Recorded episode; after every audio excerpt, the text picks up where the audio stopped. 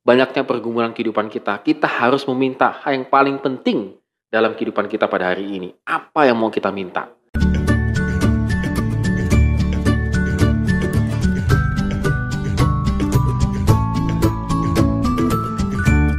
Shalom saudara sekalian, tetap semangat, tetap optimis ketika kita memulai aktivitas kita pada hari ini dan kita meyakini bahwa Tuhan senantiasa memimpin setiap langkah kehidupan kita.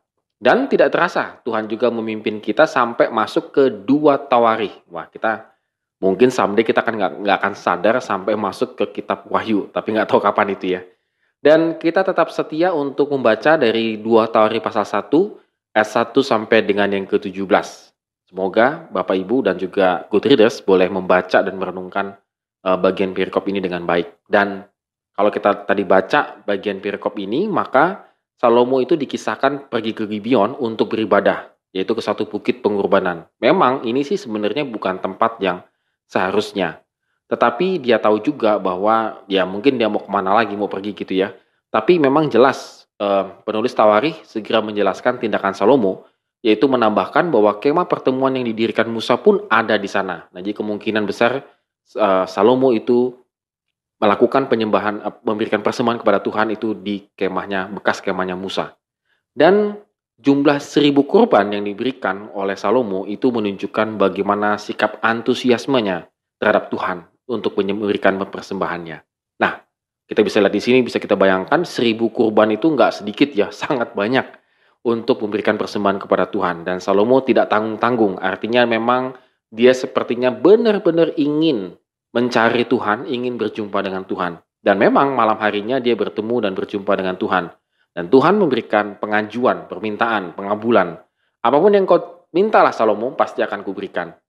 Dan dahsyatnya di usia Salomo yang cukup muda ini, maka dia meminta hikmat dan pengertian dari Tuhan untuk bisa memimpin bangsa Israel.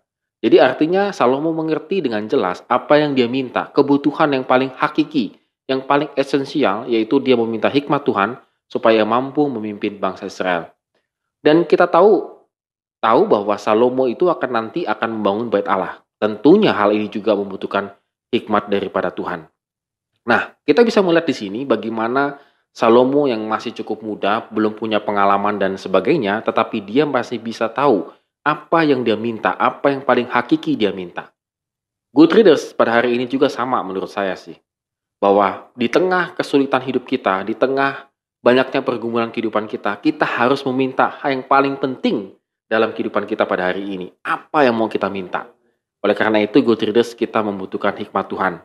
Dan kita juga membutuhkan hikmat Tuhan yang sungguh luar biasa. Artinya, supaya apa yang kita kerjakan pada hari ini tidak sia-sia Terkadang kita mengerjakan hal-hal yang sepele, hal-hal yang ringan, yang tidak penting kita kerjakan.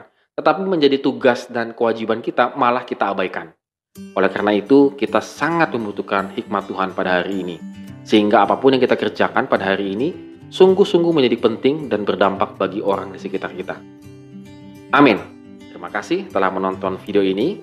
Have a nice day and God bless us.